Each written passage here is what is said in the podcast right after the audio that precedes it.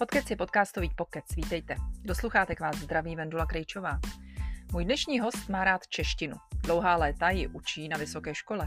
A jestli se dá o někom říct, že mluví jako kniha, tak je to právě on.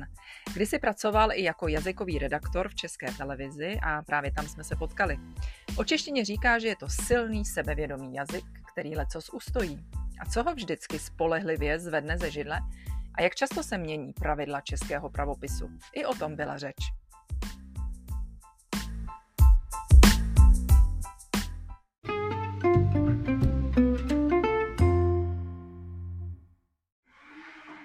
Pozvání na podcastový pokec dnes přijal jazykovědec Alex Rerich. Aldo, já tě vítám. Ahoj.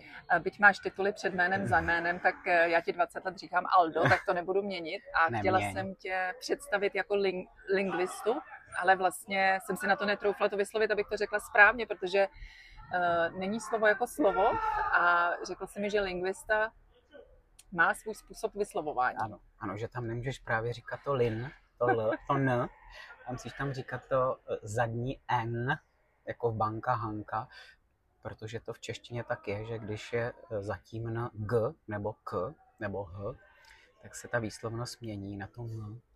To je pravda. Ale tím jsem tě nemínil vyděsit, spíš pobavit a stal se opak. Já jsem radši uh, volila tedy jazykovědce. A je jasné, je jasné i, i mně, lajkovi, že jazyk se vyvíjí Mm-hmm. A protože máme stejně staré děti, tak uh, já to vlastně pozoruju na, na dětech, jaká mm-hmm. slova používají a říkám si, jestli bych si vůbec s nimi rozuměla, kdybych se potkala s nimi v jejich věku. Když, Hrozně zajímavá věc. Když mi třeba, když se snažím vychovávat nebo po nich něco chci, mm. tak mi říkají, uh, mami, nebuď toxická. A jo, počkej, toxická. Ale to pokud vím, tak na sociálních sítích toxický znamená vulgární, nebo sprostý, nebo šířící nějakou nenávist jo, a oni to, bych řekl, že ta mladá generace těch dětí hodně citlivě reaguje na to, když někdo projevuje nějakou nesnášenlivost nebo nenávist. Pokud to teda nejsou oni. Pokud jsou to oni, tak je to v pořádku. To být Trošku to přeháním. Ale tady to, co se říkala jako první, je hrozně zajímavý.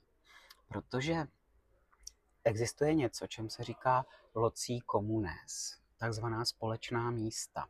Hmm. To je to, co Všichni jedinci v té společnosti v jazyce sdílejí a díky čemu si rozumějí. Lingvistika tomu taky někdy říká stereotyp.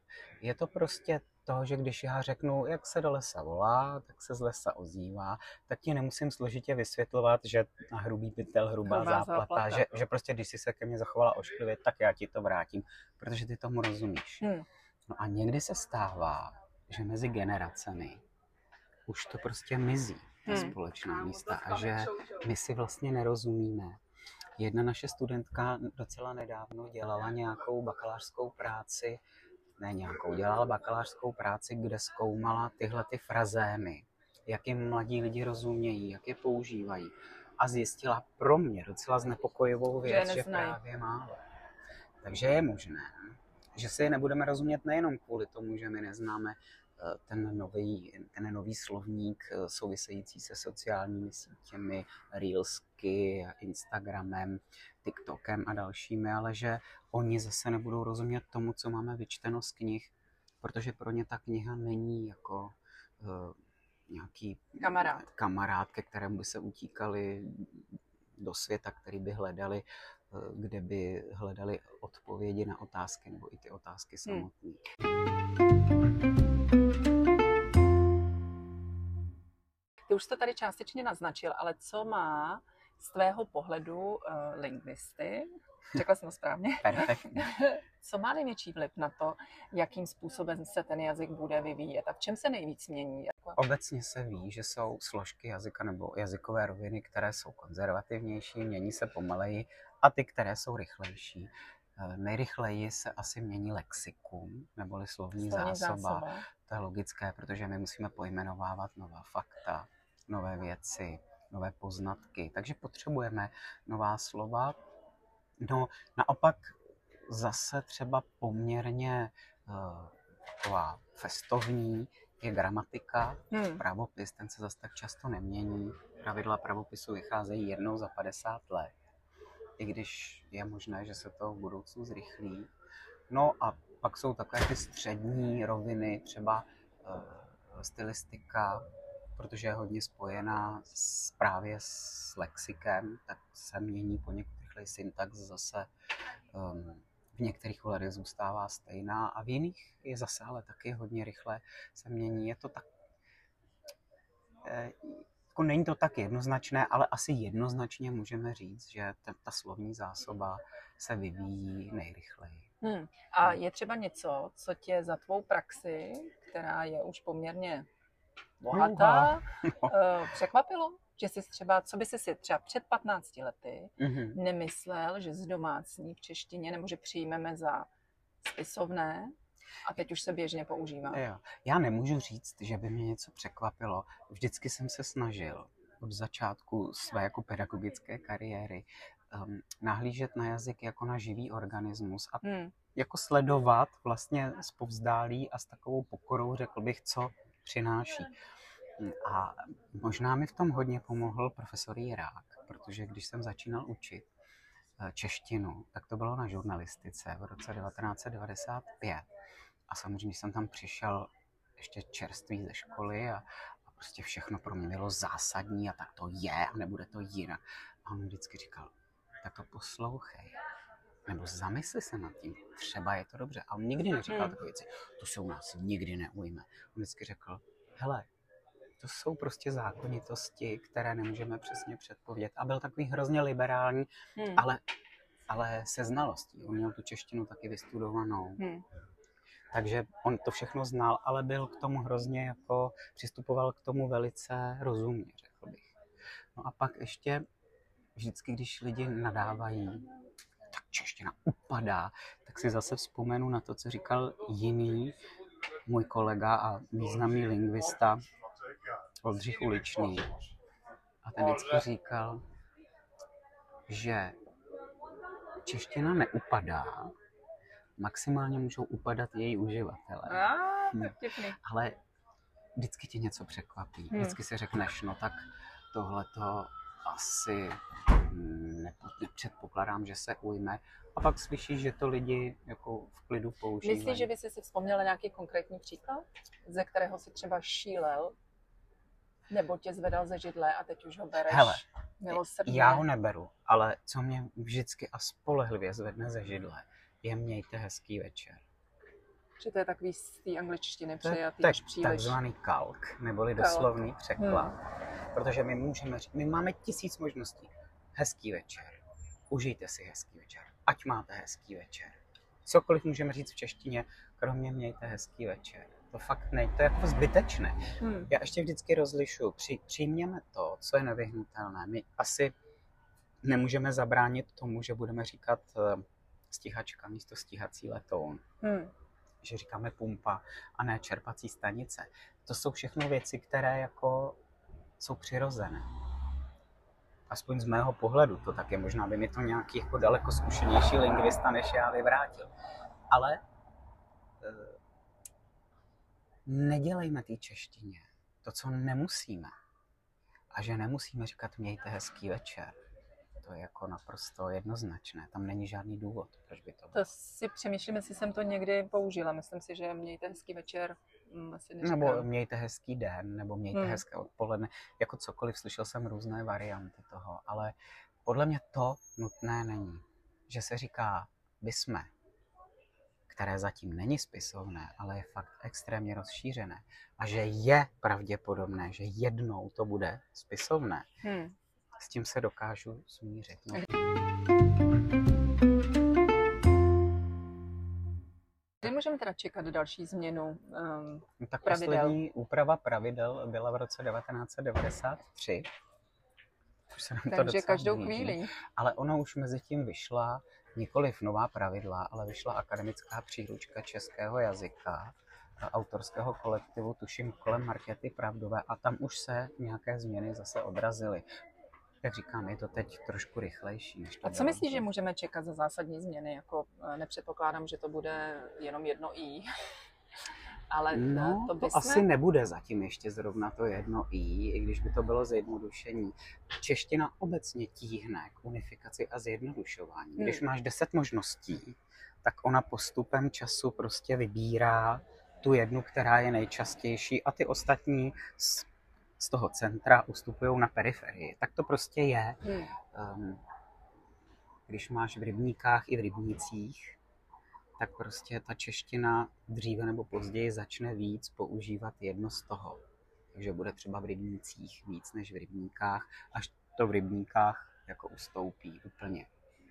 Ale nedokážu, já jako fakt nejsem prognostik, takže já nedokážu říct, co bude, co nebude. Asi obecně bych řekl, že je čeština teď daleko tolerantnější k výpůjčkám z cizích jazyků. Jakože snadněji přejímáme Hmm, slova typu No protože angli... meeting. no, přesně, angličtina je jistý hegemon mezi jazyky. Eh, Dřív tak trošku se na to místo nejdřív Němčina, potom ruština, teď je to angličtina, ale vždycky, když mi ti lidi říkají, no ale to je strašný, ta čeština zanikne. Já si nemyslím, že kvůli tomuhle čeština zanikne. Ona už je teď v jiném postavení, než byla ve národního obrození. A nevím, teď je to sebevědomý, silný národní jazyk, který lecos překoná, lecos zkousne. Ale vždycky říkám, jako tak to pojďme dělat s mírou. Přemýšlejme o tom, jak ten jazyk používáme. Jestli je to nutné, nebo není to nutné. Musím říkat meeting, když můžu mít schůzku. Já To ne, pravda, teda. Že Já to ne. Je, je A jestli- volbě. A vždycky se ptám těch lidí, kteří to takhle uh, dělají. Hele, a nemáte tu či... Oni vždycky říkají, no ale čeština to neumí vyjádřit tak jako rychle. A vždycky říkám, hele, a neumí to ta čeština? Nebo to neumíte vy? Jasně, že To je může. jako docela velký rozdíl, jo. Hmm. Třeba spousta studentů učím kulturu mluveného projevu, mi říká, hm, když ta spisovná čeština, ona je taková jako studená a je taková krkolomná a, připadá mi moc oficiózní. A já vždycky říkám, dobře, tak, tak fajn, ale zkuste stejně přesto, zkuste ta těch pět minut mluvit spisovně. A ono se ukáže, že nemůžu, protože to nedokážu. Protože to neumějí. Neumějí. Hmm. A ten důvod, že to neumějí, neumějí mluvit spisovně, je vede k tomu, že říkají, no ale ona je blbá. Hmm. Takže já radši používám tu, kterou umím. A oni Přitom je tak opravdu, hezká,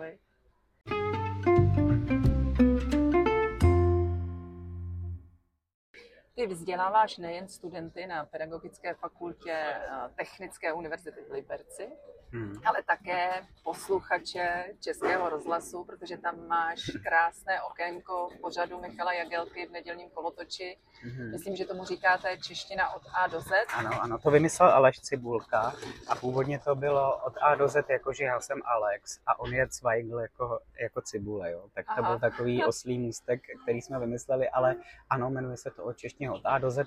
Asi nejspíš z toho důvodu, že jsme chtěli strašně vymyslet něco originálního, ale nic nás nenapadlo.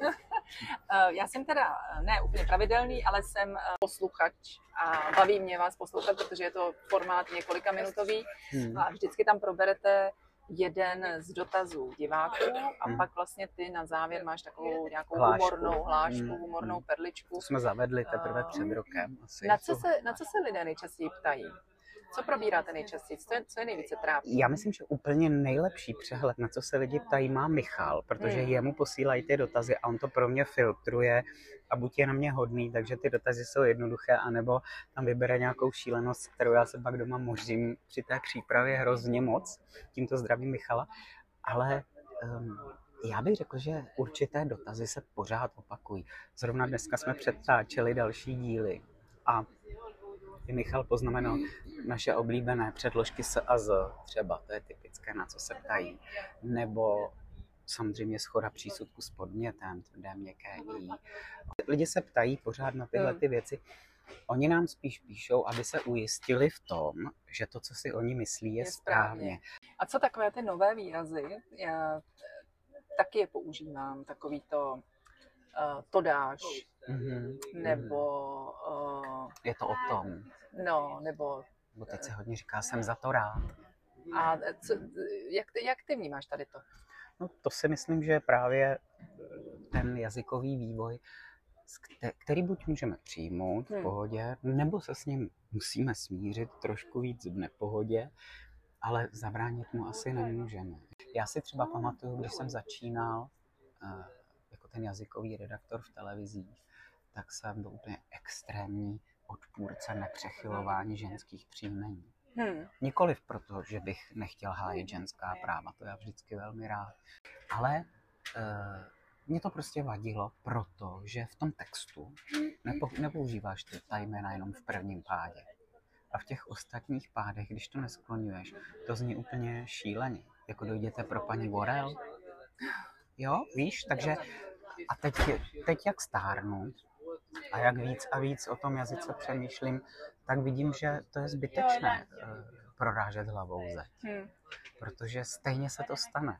Ty ženy si to tak přejou, a kdo jsem já, abych jim říkal, že nemají nic smetana nebo vorel, když si to tak přejou. Já musím říct, že jsem to vzala na milost vlastně, nebo vzala na milost, mě to je v celku jedno, ale eh, a možná i tím, že jsem žila dlouho v té Americe a tam vlastně nikdo nedokázal pochopit, že se li- lidi ze stejné rodiny nemenují stejně. Já jsem nebyla Hmm. schopná jim vyslovit, že prostě vysvětlit, že... To by si musela vysvětlit, že ten jazykový princip je jiný. Hmm. Čeština je jazyk flexivní, neboli Hmm. ohýbací. A to znamená, že my ty koncovky běžně přidáváme ke všem slovům. Jasně. Jo, my máme lékař, lékařka. Ten princip nějaký je, mě jenom vždycky vadí každý extrém. Když prostě někdo říká, To to se ne. nesmí dělat. To prostě, a, a, a jak? A, a že to je třeba dehonestující pro ty ženy. Já opravdu nevím, jak je to dehonestující pro ženu. Ano, když to byla Anička Kovářova před třema, třemi stoletími, tak to znamenalo, že patří kovářovi. A ten kovář se k ní možná taky choval. Ona mu fakt jako patřila, protože ženy neměly téměř žádná práva. Bylo to jako nechutné, jak se s nimi zacházelo. Hmm. Ale dneska ta koncovka ová nemá. Dávno nemá to. Ukaž mi muže, který by ti řekl, ona má koncovku ová, protože je moje. No, No. to je pomalu na zavření dneska. Jo? A to, to nejde. A No. ta koncovka je prostě v tomto ohledu takzvaně semanticky vyprázdněná. Nemá už tuhle Hmm. tu funkci, ale má tu formální funkci, že ty poznáš, že to je muž nebo žena. Hele, byla olympiáda v Nagánu a tam byly poprvé ženy a hráli lední hokej. Všechny ženské týmy měly mužského trenéra, kromě Kanaďanek. Kanaďanky měly Shannon Millerovou, byla to žena.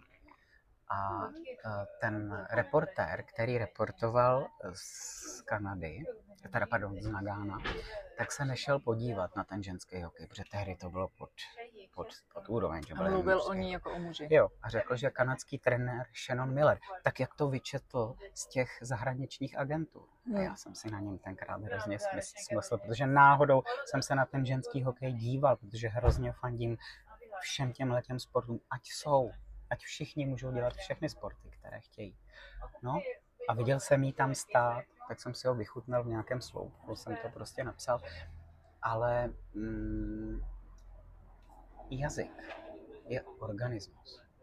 A ten organismus není jednoduchý. Každý organismus vyžaduje to své. Ty nemůžeš prostě, když vyrosteš 180 cm, nemůžeš si koupit prostě velikost 34, protože ti prostě nebude. A ten jazyk má nějaké své zákonitosti, je nějak ustrojený. Tak, tak, tak funguje. A ano, my musíme do něj promítat nějaké ty proměny dobové, které jsou. A to taky děláme. Ale že by nám to měl někdo nařídit. A že by někdo měl a priori označovat, tohle je v jazyce blbě. To se mi moc To se mi na tobě líbí, protože to si, to si právě i řekl u Míši Jagelky v tom vašem okénku, že nejsi od toho, aby se někomu nakazoval, co má nebo Hmm. nemá dělat. Eh, To mi přišlo takové sympatické. Nemáme jazykový zákon. Kdybychom měli jazykový zákon, bylo by to asi jiné, ale nemáme ho a myslím, že je to dobře, že ho nemáme. Hmm. A řekni mi, kam chodíš na ty, na ty vtipné na ty hlášky. věty, na ty hlášky, kterými uzavíráte každé to okénko? My jsme to, myslím, s Michalem jsou to, nějaké... to jsou eh, hlášky studentů, opravdu To jsou hla, ze života. hlášky dětí, co si moje maminka celý život zapisovala a taky sbírala knihy, které vycházely s tady těmi hláškami. A vždycky mi je milostivě zapůjčí, abych si z toho mohl něco vybrat. Na to v takovém notýsku přepsané a nebo hledám různě na internetu a různě se to ke mně dostává. Já si vybavím jednu, že tam eh, to byl nějaký sloh nějakého studenta, mm-hmm. který říkal, že auto narazilo do dřevěného stromu. Ano, tak je to ano, ano, podobné že to, byla, že to byla redundance nebo pleonasmus. Vzpomeneš si na nějakou já se, nebo já se vždycky, v paměti? Já se vždycky snažím, aby, abych to řekl a abych zároveň řekl, proč ta situace jazykově vznikla. Hmm. Takže k tomu patří to vysvětlení jinak by to bylo asi dost laciné, ale eh, chtěl bych, aby lidi věděli, že ty humorné situace v jazyce vznikají z nějakého omylu, třeba z nějaké neznalosti, nezáměrně. Samozřejmě i záměrně, ale nezáměrně. No, tak třeba to máme oblíbené s mojí maminkou. Hned za kuchyní máme socialistické zařízení, místo sociální. Děti si prostě no, pletou, no, jo. Nebo František Palacký napsal Eh, počátkové českého básnictví, obzvláště pro, ob, obzvláště prozódie. A někdo napovídal, že jo, a bylo tam obzvláště pro zloděje. A tak, takže hele, prší.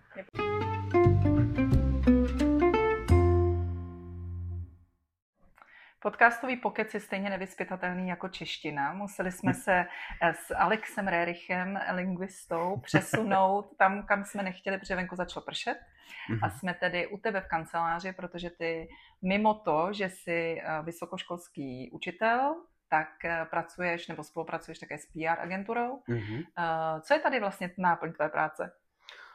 No, to je pestrá hodně. Tak jednak samozřejmě pracuji na textech. To je, vychází z toho, že jsem prostě češtinář. Eh, ale mým hlavním takovým úkolem je komunikace s médií. Protože jsem v médiích dělal, eh, mnoha jsem se pohyboval, mnoho novinářů jsem učil, tak k tomu mám blízko. Zajímají mě média, zajímá mě, jak fungují, zajímají mě ti moji bývalí studenti, kam se dostali, co dělají, zajímá mě mediální logika. Tak to je vlastně konec konců vystudoval jsem mediální teorii, takže to, to se tak hodí k tomu. Já jsem tady říkala, už jsme to tady vlastně naznačili, že se známe z České televize, kde ty si působil jako jazykový korektor. Hmm. Popiš mi posluchačům, co taková práce jazykového korektora obnáší. Uh, on to vlastně není korektor, je spíše to jazykový redaktor. Jazykový protože, redaktor. Protože um, moje práce, když jsem tam nastoupil, ono to může být teď už trošku jiné, protože já jsem o tamtud odešel víc než před 20 lety. Eh, spočívala spíš v tom, že mojí ambicí bylo vždycky, byly dvě, aby ti redaktoři neviděli v tom korektorovi nebo v tom jazykovém redaktorovi nepřítele, ale pomocníka, který jim pomůže, když se dostanou do situace, kterou prostě jazykově nezvládají, což se klidně může stát. Nikdo nezná všechno z jazyka. Hmm. A za druhé, aby mi to dávali rádi a dobrovolně ke čtení a k úpravě i ti, kteří si o sobě jinak mysleli, že tu češtinu zvládají perfektně a abychom tou diskusí došli k tomu, že oni přistoupí na to, že vlastně něco může být i trošku jinak v tom jazyce. A musím říct, že hlavně v české televizi byla celá řada redaktorů, kteří na to hrozně rádi přistoupili. Třeba takovým flagrantním příkladem tohoto chování je Marcela Augustová. Ona prostě na cokoliv se mě zeptala a nechala si vysvětlit, to si zapamatovala. A mně se nestalo, že by někdy stejnou věc zopakovala.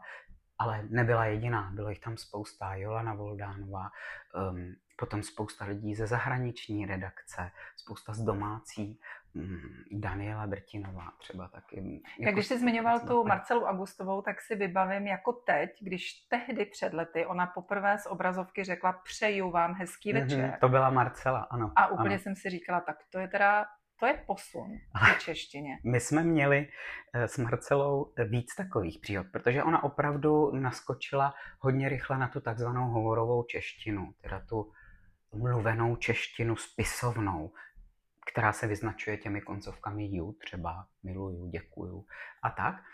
A ona eh, jednou řekla, jsem mě přišla zeptat, jestli může říkat halířů, ne hmm. haléřů. Hmm. Já jsem říkal, ano, to je přesně ten typ, to je zase ta hovorová, klidně můžeš.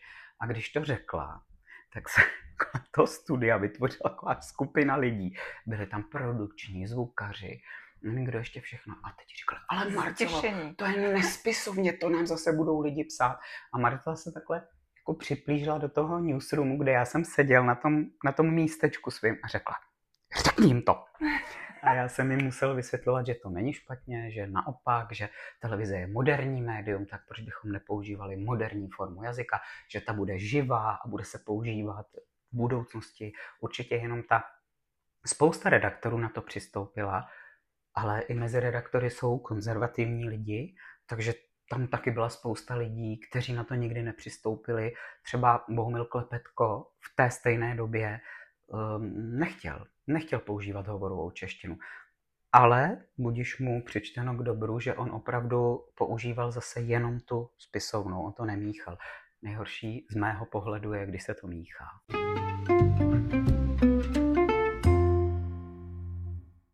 Hmm, a do jaké míry pro tebe, jako pro jazykovědce, je přípustná ta hovorovost v médiích?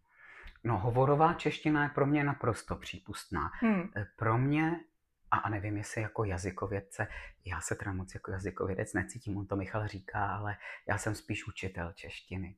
Tak um, pro mě v médiích, protože jsou to profesionální mluvčí, ať už tu češtinu mluví nebo ji píšou, eh, tak by měla být perfektní. Měla by no, být no, perfektní. No, měla by být perfektní. Co to znamená perfektní? Podle mě by neměla být obecně česká. Obecná čeština, to je to, jak mluvíme doma, hmm. jak mluvíme v soukromí, když nás, když nás někdo neslyší. Ale jestliže jsem profesionální mluvčí, jsem moderátor nebo redaktor v televizi, v rozhlase, anebo píšící, tak podle mého názoru mám umět tu češtinu mnohem líp než běžný mluvčí. A nejenom, že ji, tu češtinu mám umět líp, ale mám o ní vědět mnohem mm-hmm. víc věcí, než ten běžný mluvčí. Protože on mě potom poslouchá a říká si, no když to takhle říkali v televizi, tak to tak asi to je tak pravda. je. Eh, já bych se ještě vrátila k tomu vašemu pořadu, který máte s Michalem Jagelkou, eh, protože mě tam zaujalo, jak eh, když se něco vyžije, tak je hrozně těžké to potom odbourat v tom mhm. jazyku. Mm-hmm. A vy jste to tam vlastně ukazovali Nedávno na příkladu mluvili, vteřina, sekunda. Aha, aha, aha. Že to teda pro mě bylo nové, že, jak jsem tady říkala, že vzděláváš i posluchače Českého rozhlasu, tak tohle to, to mě teda strašně zaujalo. Že to, uh, ta vteřina je vlastně původně jednotka něčeho hmm. jiného, vterý, druhý. Uh, má to takovou genezi zajímavou, ale to správné označení pro jednotku času je sekunda, nikoli vteřina. No, um, obecně platí, že když se e, něco začne používat masově, byť by to byl i omyl, nebo by to bylo původně nesprávné, hmm. tak se to prostě zaužívá, takzvaně, to slovo moc nemám rád, ale prostě začne se to užívat masově ta uživatelská skupina se zvětšuje, tím se to utvrzuje a tím pádem ti, kteří to používají dál potom, tak oni už nevědí, že to třeba nebylo správně. Jasně, protože třeba, se to naučili v třeba tom původně, smyslu. Původně bylo potenciální. Hmm. A dneska už máme i potenciální, protože lidi začali používat potenciální. Jo? Potenciál bylo původně něco jiného. Stalo se ti někdy, ty jsi říkal, že tam odpovídáte na dotazy diváků, stalo hmm. se ti někdy, že jsi řekl, že nevíš? No to se mi stalo určitě. Tady v tom pořadu s eh, Michalem se to nestává, protože mám dost času na to obvykle si to předem hmm. připravit. Hmm. On mi pošle ty dotazy a já se snažím připravit to tak, aby to bylo zábavnější, jednodušší, abych lidi nezahrnoval těmi odbornými výrazy a tak dále. Ale chodil jsem ještě, párkrát jsem byl eh, v pořadu 2 na dvojce, což je dopolední takový stream vysílací prout. A Um, Pronikání tam... cizího jazyka do češtiny, přijímání slov stream. Přesně. A uh, tam ti lidi volají do přímého vysílání. A tam to trvá krátce, jsem tam třeba 10 minut s nimi. A tam teda propotím vždycky všechno, co mám na sobě, protože mám obrovský strach, že se někdo zeptá na něco, co nebudu vědět, protože já rozhodně si nedělám ambice na to, že vím o jazyce všechno. Nevím. Ehm, jsou lidi daleko povolanější než já. Mě to jenom baví zpřístupňovat češtinu eh, lidem z toho přátelského pohledu. Takže tam, když jedno, nějaký pán volal a ptal se, co to, zna, co to je potažmo, tak to jsem byl takovýhle kousíček říct, že fakt nevím. Pak jsem nějak odpověděl, vzal jsem to slovně druhově, co to je, ale myslím si, že jsem na jeho otázku v zásadě neodpověděl. Ale uh, protože tě dobře znám, tak si potom určitě přišel domů a dohledával si no, a teď už jasně, víš o potažmo první poslední. ne, to ne, ale díval jsem se samozřejmě potom, jak bych to mohl... Mm, já jsem věděl, co chci říct, ale vypadlo mi to slovo, ten odborný výraz pro to, co to potažmo je. No, takže nakonec jsem to nějak, se z toho nějak vylhal, ale příjemné mi to nebylo. Hmm. Já jsem spíš ten typ, který se rád připraví a improvizace mi sedí jenom v některých případech, třeba když s Michalem v té naší rubrice se trošku špičkujeme, když už máme za sebou to, to vysvětlení, tak tam je to fajn, on tak nahrává, nebo já jemu, ale uh, s mi nerad improvizuju.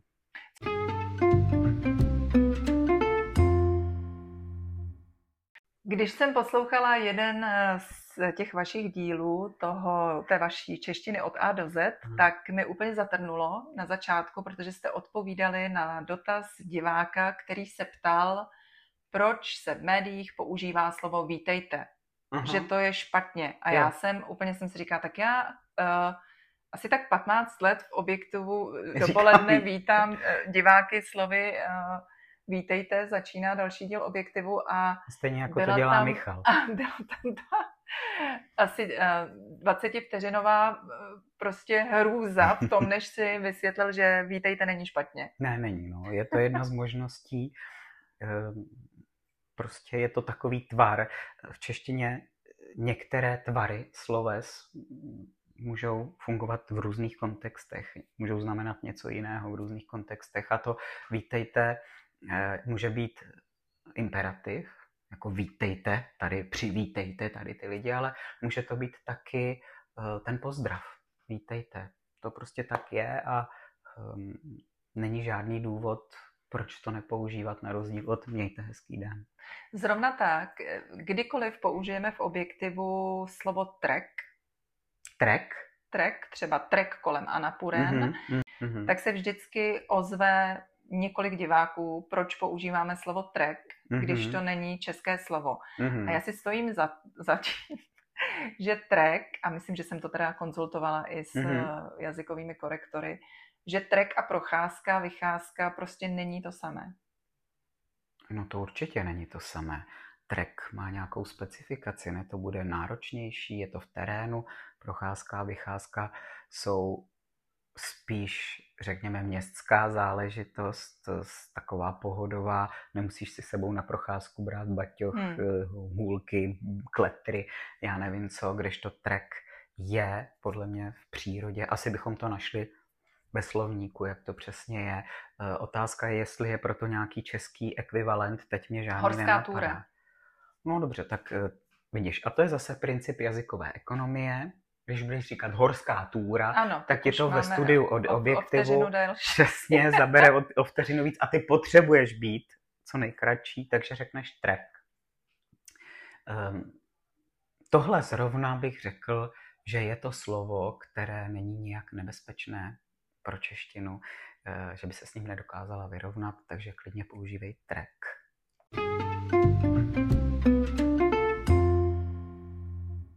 Co tě na češtině nejvíc baví? Už asi chápu tu tvou cestu k češtině, protože jsi tady říkal, že tvá maminka je učitelka, mm. tak asi... Ano, která mi celý život říkala, hlavně nebuď učitel, prosím tě, opravdu. No, je to zajímavé. Já jsem vlastně na filozofické fakultě, když jsem studoval, jsem strašně chtěl dělat literaturu. Já jsem dokonce i jeden... Já jsi vystudoval literaturu, ne? Češtinu a literaturu, no. obojí, to je jeden obor, to no. se nedá rozdělit.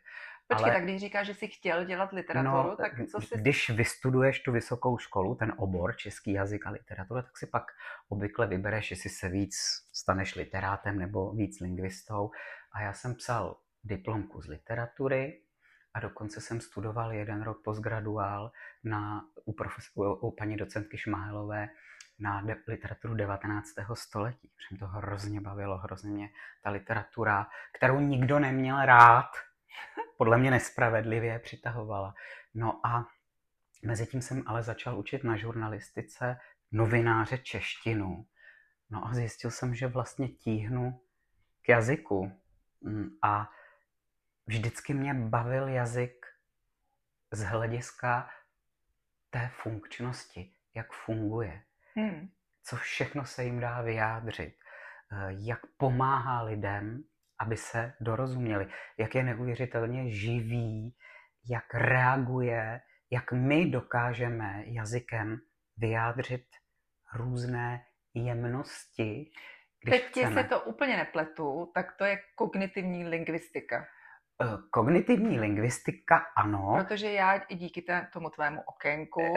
Víš, co je kogni... ano, Já kdybych měla otázku lingvistika... za 500, tak myslím, že jsem schopná, nevím, jestli eh, na plnou hodnotu odpovědět, ale tím vlastně tím vyjadřování, tím, jak myslíme, tím, jak ano, si myslíme. to představím, to je, to je vlastně strašně zajímavý. Pragmatická lingvistika nebo kognitivní lingvistika, tyto nové vědy spíš než, že by zkoumali strukturu jazyka, jako to dělal Pražský lingvistický kroužek, tak zkoumají to, k čemu nám ten jazyk je, jak mezi námi funguje. Ale pozor, a to je hrozně důležité říct, oni nezavrhují to zkoumání toho jazyka, oni z něj vycházejí a to je hrozně důležité, hmm. protože aby zvěděla, jak ten jazyk funguje mezi lidmi, musíš taky vidět, jak je utvořený. Proč se říká tohle takhle? A na to ti odpovídají ti lingvisti, kteří zkoumají ten jazyk, jak funguje. Ale mně se na něm líbí to, jak je jako společenský nástroj. No. A um, proto mě tak hrozně mrzí, když někdy zjišťuju, že někteří lidi, mladí nebo staří, to je jedno, uh, říkají takové věci jako ta angličtina je tak krásná, uh, ta čeština je tak blbá, tohle prostě vůbec neumí. A to podle mě není fér vůči češtině. Čeština toho umí spoustu. No umí všechno. To, že já něco neumím vyjádřit česky, neznamená, že to je chyba jazyka. Hmm.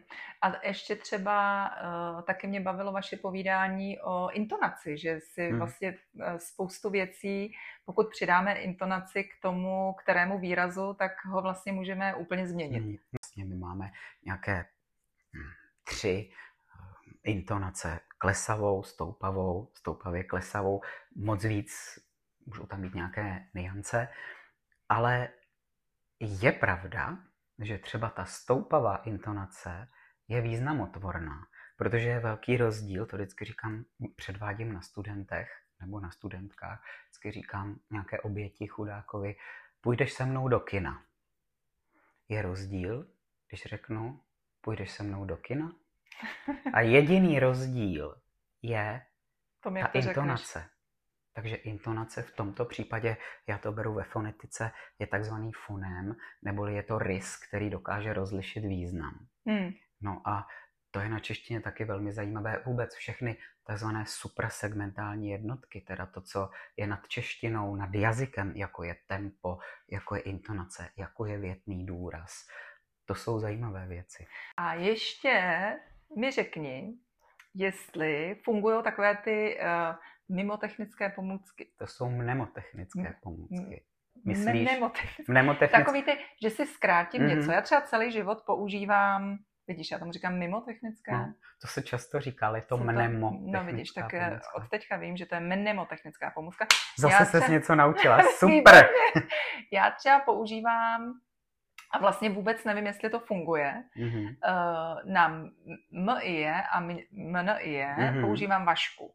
Mm-hmm. Tam dosadím vaška, nebo a mm. pokud je to dvojslabičné nebo trojslabičné, tak to A Funguje. vlastně ještě jsem, naučila jsem to teda svoje děti Mm-hmm. a vlastně si říkám, že vůbec nevím, když by to řekli před paní učitelkou, jestli si nebudou myslet, že jsem šílená, co je to ta matka učí.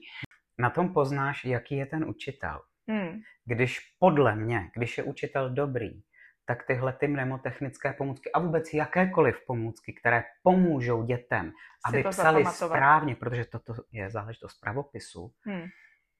tak dobrý učitel je to naučí. Podle mě. Eh, Špatný učitel, možná ne špatný, možná málo sebevědomý nebo málo odvážný učitel to nedělá, protože si řekne, no já je takhle úplně zkazím, ty děti mají poznat, který je třetí a který Ne, je naopak si čtvrtý, to pátý. pamatuješ velmi snadno. Pamatuju. Já jsem vždycky pro a asi by se mnou didaktici souhlasili, že je dobré to těm dětem říct. Chemikářka nám taky řekla, uh, Hanku líbal na kolena robustní cestář Franc a já si budu vždycky pamatovat první A skupinu prvků. periodické soustavy Hmm. prvků.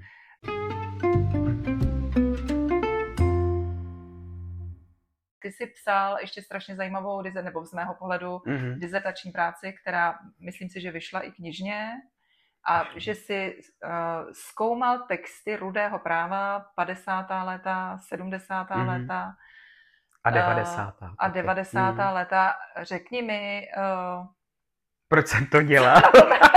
co ty jsi tam určitě našel neuvěřitelné zajímavosti z tvého pohledu. Já jsem to zkoumal, já jsem to zkoumal proto, že jsem, že mě zajímalo, jak ta ideologie v těch textech se projevuje pomocí jazykových prostředků. Hmm. Já jsem vlastně si řekl, že to je ten jazyk, který to nese. A zkoumal jsem, jaké konkrétně jsou to ty jazykové prostředky. Nějak jsem si to rozstřídil a měl jsem takovou myšlenku chybnou, jak se ukázalo, že po tom roce 90 už tam žádná ideologie nebude v tom textu. A byla? No jasně, v každém ideologie. To jsem se právě dověděl, když jsem pak zkoumal tu odbornou literaturu.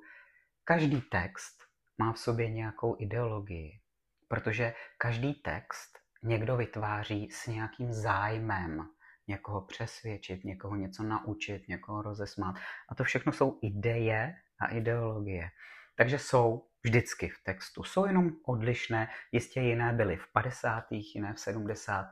a jiné v 90. letech. A já jsem zkoumal, jak se ty jazykové prostředky takhle, eh, takhle podílejí na tom. Třeba jsem si vzal přídavné jméno sovětský a zjistil jsem, že za normálních okolností je to přídavné jméno, které je takzvaně relační, teda označuje nějaký vztah k nějaké skutečnosti, není jakostní, eh, neukazuje teda nějakou vlastnost, kterou bychom mohli hodnotit.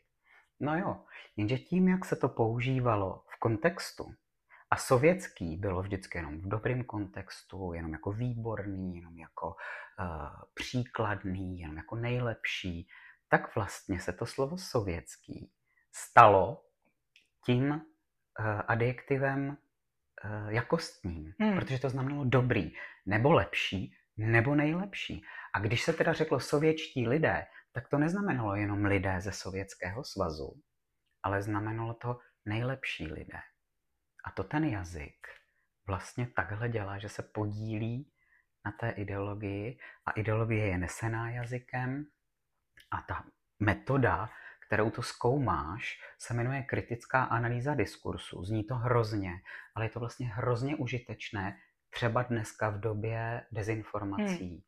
protože to je metoda, která, když se nad tím zamyslíš, ti pomůže odhalit, jestli někdo na tebe, lidově řečeno, Netlačí. v tom textu dělá nějakou habaďůru hmm. nebo ne. Protože když se podíváš na titulek eh, článku Stánky už jsou jim malé a je to o Větnamcích a celý ten článek se sice snaží ukázat, jak Větnamci se tady u nás dobře etablují, ale dáš tomu titulek Články už jsou jim malé. A víš, co znamená frazem být někomu něco malé, Hmm. že to znamená, že chce něco víc, než co mu patří, no tak se dostaneš do negativních hodnot, aniž, bys, aniž by to třeba byl záměr. Ten jazyk je prostě, musíš si dávat pozor vždycky, každý si musí dávat pozor, co používá. Takže takovéhle věci jsem tam zkoumal, hrozně mě to bavilo, takže mi to nabobtnalo, ta práce a pak moji, moji oponenti říkali, ano, práce je v pořádku, ale kdo to má číst takhle dlouho? A tam bylo hodně těch příkladů, že jsem chtěl hodně textů rozebrat. A to jsem dělal vždycky jenom 14 dní z každého toho roku. Aha. Ale bylo toho hrozně moc.